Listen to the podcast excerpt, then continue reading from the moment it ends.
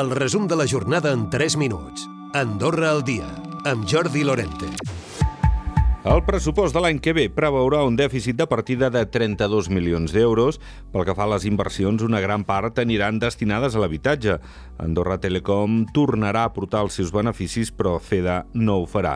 De fet, la xifra d'aquest dèficit, estimat en 32 milions d'euros, compleix, segons el ministre de Finances, la llei de sostenibilitat de les finances públiques. És Ramon Lledós.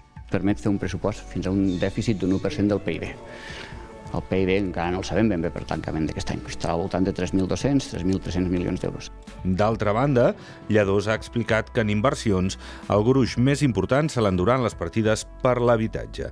Per cert, la campanya de l'IRPF del 2022 ha tancat amb uns ingressos de 52 milions d'euros. De fet, prop de la meitat han estat fruit de declaracions voluntàries. Se n'han fet poc més de 22.000 i una gran part han estat de manera telemàtica. Andorra Endavant insisteix que no votarà a favor de l'acord d'associació amb la Unió Europea. De fet, es va reunir amb consellers del microestat monegasc per intercanviar posicions sobre aquesta qüestió. Creuen que Andorra hauria de fer un estudi d'impacte d'un tractat amb Brussel·les com va fer Mónaco. Karim Montanés, presidenta del grup parlamentari d'Andorra Endavant. Tenim el, el mateix posicionament que Mónaco. Nosaltres vam estar reunits eh, una hora i mitja, eh? És a dir, que vam parlar de moltíssimes qüestions, dels nostres neguits, etc. Ells tenen l'estudi d'impacte, eh, que avala doncs, tot el que diuen. D'altra banda, Andorra Telecom no descarta cap opció pel que fa a la causa de l'averia d'aquest dimarts, que a dos quarts de quatre de la tarda feia caure les línies telefòniques de tot el país.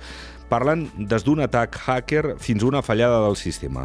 Asseguren que caldrà prendre decisions, sigui quina sigui, i que titllen la caiguda de molt greu vist el temps que ha durat l'afectació a telèfons d'emergència que han hagut d'habilitar opcions alternatives per atendre els serveis. I com potenciar una marca i fer-la més rellevant per als usuaris ha estat el centre de les jornades d'empresa precisament d'Andorra Telecom. L'esdeveniment ha comptat amb un rècord d'inscrits i amb la presència de dos especialistes en la matèria, Javier Sánchez, CEO de Top Line Marketing, i David Ledesma, director de màrqueting de Gran Valira Resort. El grup de rescat de muntanya dels bombers ha fet 68 intervencions aquest estiu, 15 més que l'any passat. La majoria de rescats han estat a senderistes que pateixen incidents a la muntanya. Jordi Ferrer és director del cos de bombers. La majoria de les actuacions que fem són per traumatismes o perquè es desorienten uh, del camí o perquè tenen un cop de calor, però no per uh, imprudències ni, ni negligències. El tipus de rescat més freqüent, doncs, el dels senderistes, 29 sortides en aquest sentit, i de prop continuen les intervencions relacionades amb esports d'aventura, com pot ser l'escalada o la BTT, amb 25.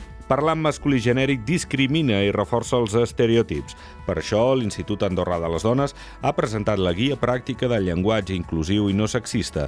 Es pot trobar al seu web i està adreçada a tots els públics que es preocupin per la utilització d'un llenguatge integrador que no exclogui ningú, tant en àmbits socials com professionals.